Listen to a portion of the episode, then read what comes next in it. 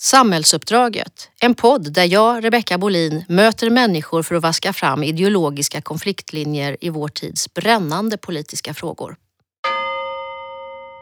Idag ska vi prata om den grundläggande plats där vi reser värn för det goda samhället, nämligen nationalstaten och svara på den problematiska frågan om det är rätt att vara patriot.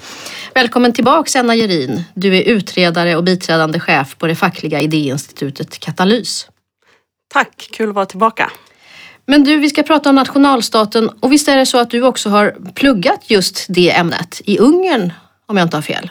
Jag precis gjorde en masterutbildning eh, på Central European University i just nationalismstudier. Så jag är lite nednördad i, i, i de här frågorna faktiskt. Det låter bra. Eh, ibland hävdas det att nationalstaten är död eftersom handeln är internationell och våra identiteter är ofta mångkulturella. Eh, och så har vi också EU-lagar som i vissa fall står över svenska lagar. Håller du med? Är nationalstaten död? Nej, nationalstaten är absolut inte död. För att vi har en hel världsordning som bygger på principen om att ja, världen är uppdelad i olika nationalstater. Och väldigt mycket som då sker på den här överstatliga internationella och globala nivån gör det ju på basen av nationalstater som aktörer. Eh, och det här är ju ett faktum som vi alla måste förhålla oss till, vare sig vi liksom gillar det eller inte. Och den här idén om att nationalstatens begynnande död, den var väldigt populär bland många politiska teoretiker på 1990-talet. Det har ju gått lite tid sedan dess. Eh, för vid den tidpunkten då tog ju kalla kriget slut, Berlinmuren föll, gränserna inom Europa öppnades upp och den kapitalistiska globaliseringen liksom exploderade över hela världen. Eh, och det det är självklart så att vissa av de här processerna har försvagat nationalstaterna. Till exempel så har globaliseringen gjort att ja, men kapitalet kan, kan röra sig fritt mellan gränserna och det har ju gjort det svårare för nationalstaten att reglera och, kan, och kontrollera kapitalismen. Vilket då har försvagat demokratins inflytande över ekonomin. Men att nationalstaten skulle vara död, det håller jag inte med om. Den är fortfarande helt avgörande för hur, hur världen idag är organiserad och hur vi egentligen också organiserar våra samhällen. Men många av de utmaningar vi står för är ju globala. Eh, jag menar, du pratade om eh, finanskapitalets rörlighet. Det, det, är internationellt. Vi har klimathotet som är en global fråga. Eh, är det framförallt handlingskraftiga nationalstater vi behöver då för att, för att hantera detta? E-, eller behöver vi mer än så? Alltså, rent normativt så tillhör ju jag de som gärna hade sett att världen var kanske organiserad på ett annat sätt. Men mitt förhållande till det här är liksom lite mer pragmatiskt i den bemärkelsen att jag tror att nationalstaterna är här för att stanna ett bra tag framöver. Och då, då gäller det att förhålla sig till den liksom verkligheten. Och i ett sådant fall, om man, om man utgår ifrån det, då kommer det ju behövas oerhört mycket överstatligt och internationellt samarbete för att lösa många av de här mer globala utmaningarna som du nämnde. Eh, också migration och finanskapitalismen och klimathotet. Eh, så att ja, ja, nationalstaterna är grunden men, men för att vi ska kunna lösa det här så måste vi självklart samarbeta på internationell nivå. Eh, det är jätteviktigt. Men så båda de arenorna är, är, väldigt viktiga? Absolut, det går ju inte att lösa dem om vi inte, om vi inte samarbetar på de här mm, internationella arenorna. Eh, skulle jag säga. Om vi går lite back to the roots då, vad som händer inom nationalstaten, eh, så skulle jag vilja citera Per Albin Hansson, eh, den socialdemokratiske statsministern som är känd för att bygga folkhemmet. Han höll en gång ett tal i riksdagen 1928 som har gått till historien. Och då sa han bland annat Skall det svenska samhället bli det goda medborgarhemmet måste klasskillnaden avlägsnas, den sociala omsorgen utvecklas, en ekonomisk utjämning ske. De arbetandes bereda andel även i det ekonomiska förvaltandet, demokratin genomföras och tillämpas, även socialt och ekonomiskt. Ja, det var ord och inga visor. Hur skulle du säga att arbetarrörelsen har förvaltat det här arvet från Per Albin? Har vi byggt det goda medborgarhemmet? Alltså jag tänker så här att från det här talet då som hölls 1928 som du sa fram till ungefär 1980 så förvaltade arbetarrörelsen den här drömmen och det här målet väldigt väl skulle jag säga. Och utvecklade det? Ja, alltså man tog hela tiden steg och gjorde stora reformer som tog oss närmare och närmare det här idealet. Och den resan som Sverige gjorde liksom under 1900-talet eh, är helt makalös. Att vi gick från ett otroligt fattigt och extremt ojämlikt land måste man också säga, till att bygga upp en av världens mest jämlika välfärdsstater. Och det här, det har vi mångt och mycket den svenska arbetarrörelsen eh, att tacka för.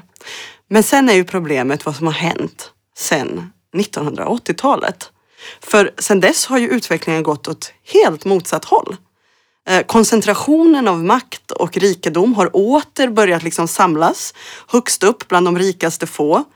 Och, och, hela efterkrigstidens jämlikhetsutveckling när det kommer till förmögenheter har vi nu utraderat sedan 1980-talet.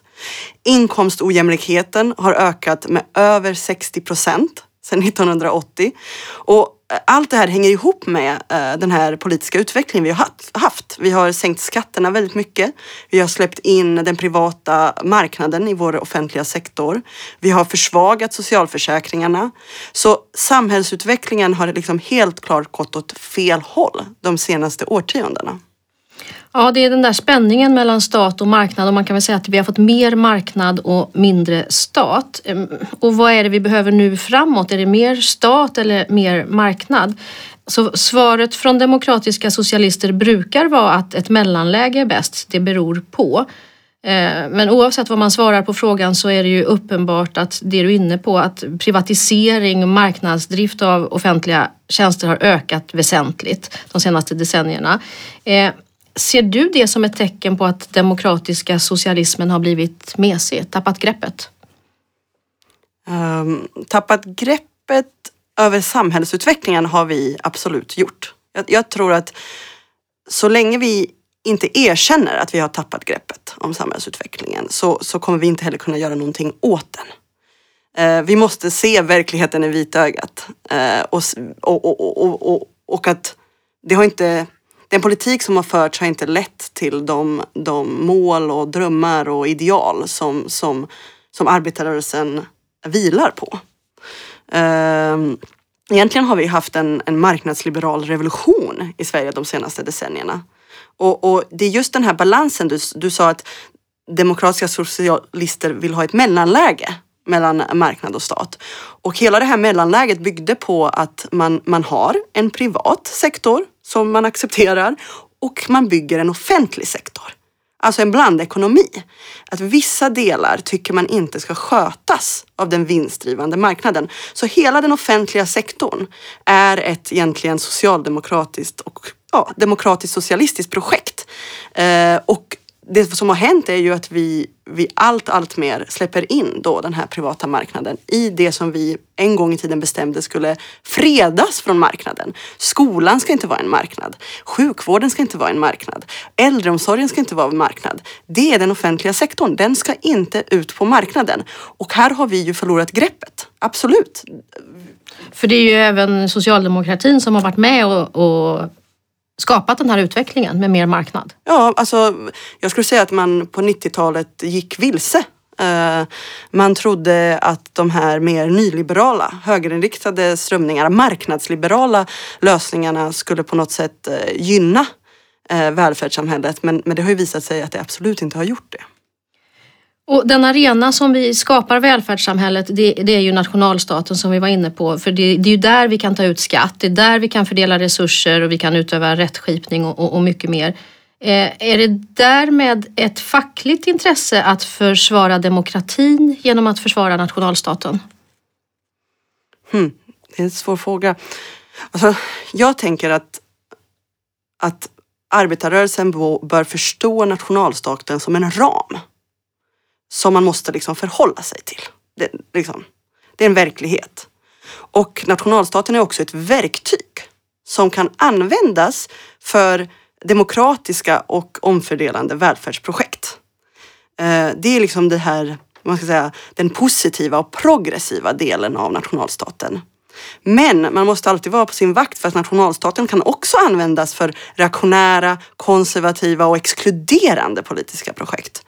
Och därför tänker jag att nationalstaten i sig inte kan bli självändamålet för arbetarrörelsen. Eh, utan att man ska se det just för en ram och ett verktyg vilket man kan använda för att försöka nå målen om, om också inkludering, om demokrati och om jämlikhet. Så, så det är demokratin och jämlikheten som ska vara i fokus, inte, inte liksom självaste nationalstaten. Du är inne på det här att nationalstaten också har en baksida, det kan, den kan vara exkluderande. Eh, världen är ju global eh, och eh, om vi fokuserar för mycket på den enskilda nationalstaten så kan det bidra i en uppdelning att vi som är innanför de här trygga ramarna och de andra som är utanför, ett vi och dem. Eh, finns det en sån fara? Ja, det finns en sån fara. Men det här, ehm, det här är verkligen inte liksom så enkelt. Det är väldigt svåra frågor. För att samma mekanism som gör att nationalstaten kan användas till ett inkluderande och demokratiskt och omfördelande politiskt projekt. Precis samma mekanism kan också användas för det här exkluderande politiska projektet. Och hur, hur hänger det här ihop då? Jo, nationalstaten har hittills liksom varit förutsättningen för demokratin så som vi känner den.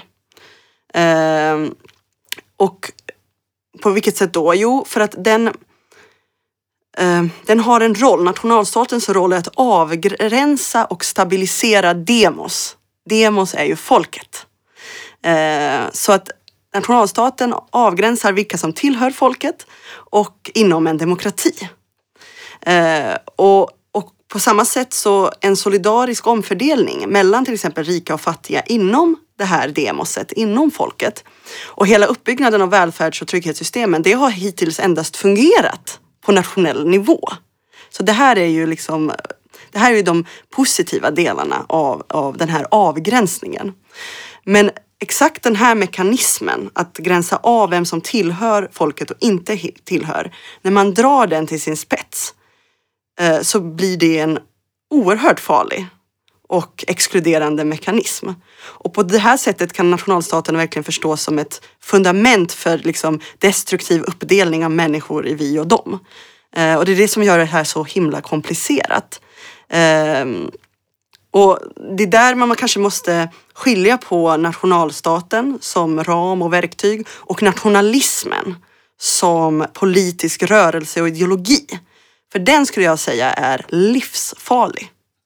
Alltså nationalism som ideologi och politisk rörelse, den har lett till första världskriget.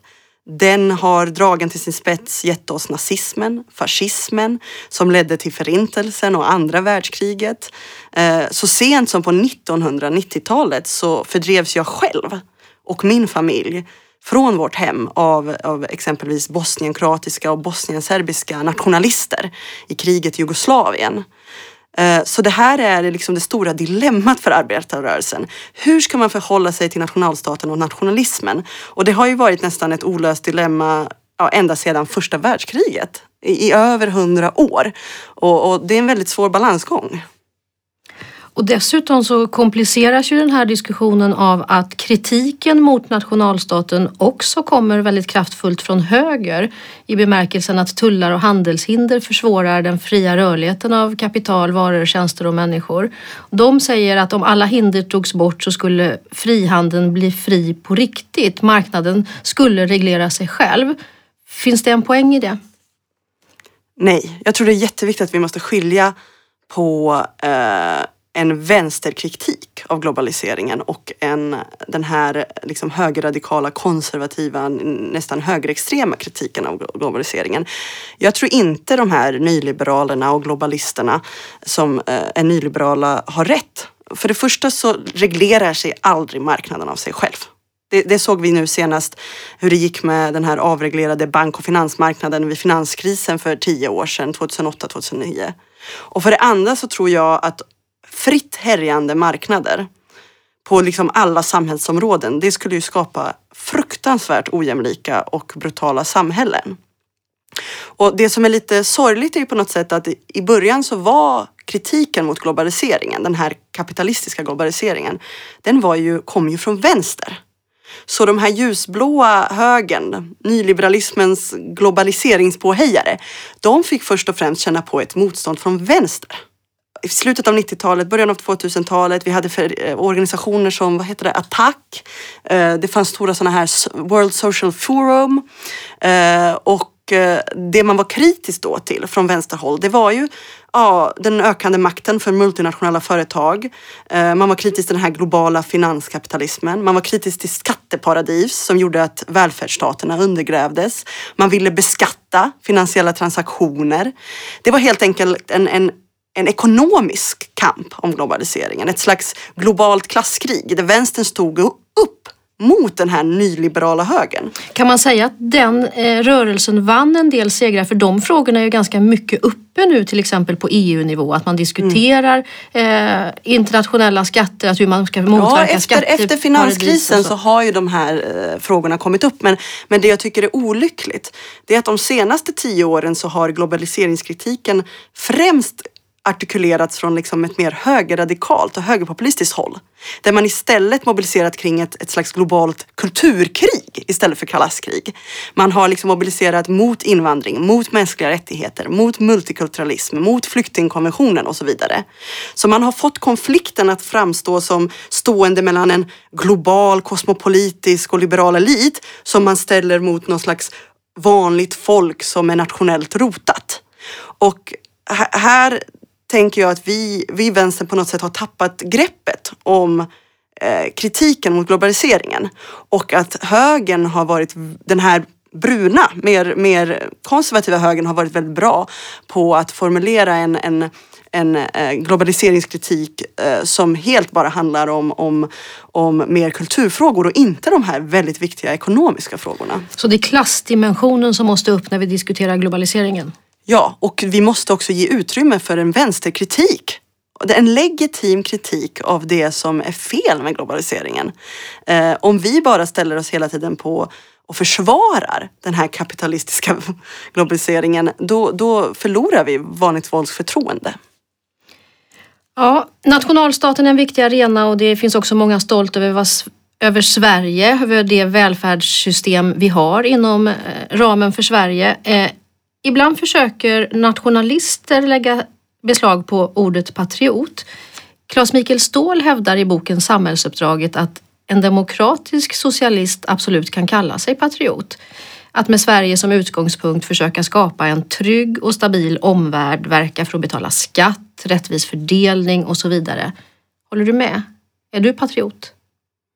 Jag är ju lite allergisk mot eh, mot, mot sådana här projekt på nationell nivå där man ska på något sätt okritiskt vara stolt över eh, sin nation eller sitt land eller så vidare. Eh, jag, jag tror mer på att uppmuntra exempelvis lokal patriotism. Eh, jag känner mycket mer vad man ska säga, närhet till de lokala samhällen som har betytt mycket för mitt liv. Och jag tror att de flesta människor liksom på många sätt eh, lever sina liv i det lokala och känner samhörighet med det lokala. Till exempel ja, men i min hemstad i Bosnien-Hercegovina, Mostar, har format mig. Eh, min hemstad i Örebro, i Närke, där jag växte upp. Eh, jag är liksom lokalpatriot. Jag hejar på ÖSK, Örebro Sportklubb. Sånt tycker jag liksom inte på något sätt är farligt. Jag har en väldigt liksom stark relation till Berlin, en stad där jag studerade och levde i 6-7 år. Eh, så de här, de här lokala ställena som har betytt saker för mitt liv, de har jag inga problem med att vara liksom patriotisk kring. Eh, men just att vara patriot på ett nationellt plan kan vara också problematiskt för att inom forskningen till exempel så, så har man kunnat visa att det är, lite, det är svårt att skilja på liksom bra nationalism och dålig nationalism. Det är otroligt svårt. Eh, eh utan de brukar ofta liksom sammanföras. Och, och, det här är ju ett försök att på något säga att det finns en dålig nationalism och en bra patriotism. Eh, vilket jag, jag i alla fall har svårt för. Jag skulle inte kalla mig för en nationell patriot. Eh, men... Ser du en risk att om, om man gör det, liksom, kallar sig för patriot, att man bäddar för Sverigedemokrater och det nationalistiska projektet? Liksom, att man, att man... Nej, inte nödvändigtvis. För att det man måste också komma ihåg är ju vad man fyller eh, svenskheten med. Eller den sve eller, ja, vad, vad, fyller man svenskheten med egentligen? Eh, och det som, att vara, man ska säga, svensk nationell identitet har ju under 1900-talet varit väldigt förknippat med väldigt progressiva grejer. Det, är, det har varit förknippat med jämlikhet, med välfärdsstaten, med öppenhet, med tolerans. Eh, och så tänker jag att många är liksom stolta över eh, det vi åstadkom under 1900-talet. Stolta över välfärdssamhället. Eh, stolta över den svenska jämställdheten som på många plan har kommit långt. Eh, om det är det man är stolt över, då är ju inte det ett problem och det tycker jag vi ska vara. Eh, men, men faran är ju att, att man gör det här till, eh, som Sverigedemokraterna, mer, eh, vad ska man säga, Eh, Eh, ex, essentiella saker som, som eh, kultur och, och, och blod och, och, sådana saker. Att man bara ska vara stolt över att man mm, på något sätt det etniskt kulturella. Eh, så att det är en väldigt svår fråga. Eh, jag tror inte det är ett problem om man är på något sätt en progressiv patriot som är stolt över den svenska välfärdsstaten. Eh, och om man vill kalla sig patriot är det inte ett problem. Men det är en svår balansgång hela tiden. Att gå den här balansgången mellan, mellan det positiva och progressiva som nationalstaten kan, eh, kan betyda och det här exkluderande och, och destruktiva som den kan betyda. Det är, det är en svår balansgång. Vi låter det bli slutord, Enna. Eh, vi har mycket att vara stolta över och eh, det ska vi få lov att vara. Och sen vad man använder för ord, det kan ju faktiskt få vara upp till var och en. Stort tack Enna för att du var med i podden Samhällsuppdraget. Tack. I nästa avsnitt möter jag Håkan A Bengtsson och då ska vi prata mer om delaktighet. Är delaktighet grunden för sammanhållning och hur uppnår vi i så fall det? Du har lyssnat på Samhällsuppdraget en podd producerad av Leopard förlag i samarbete med LO och ETC Nyhetsmagasin. Programledare var jag, Rebecka Bolin, producent Johanna Ekeroth och tekniker Petter Brundell.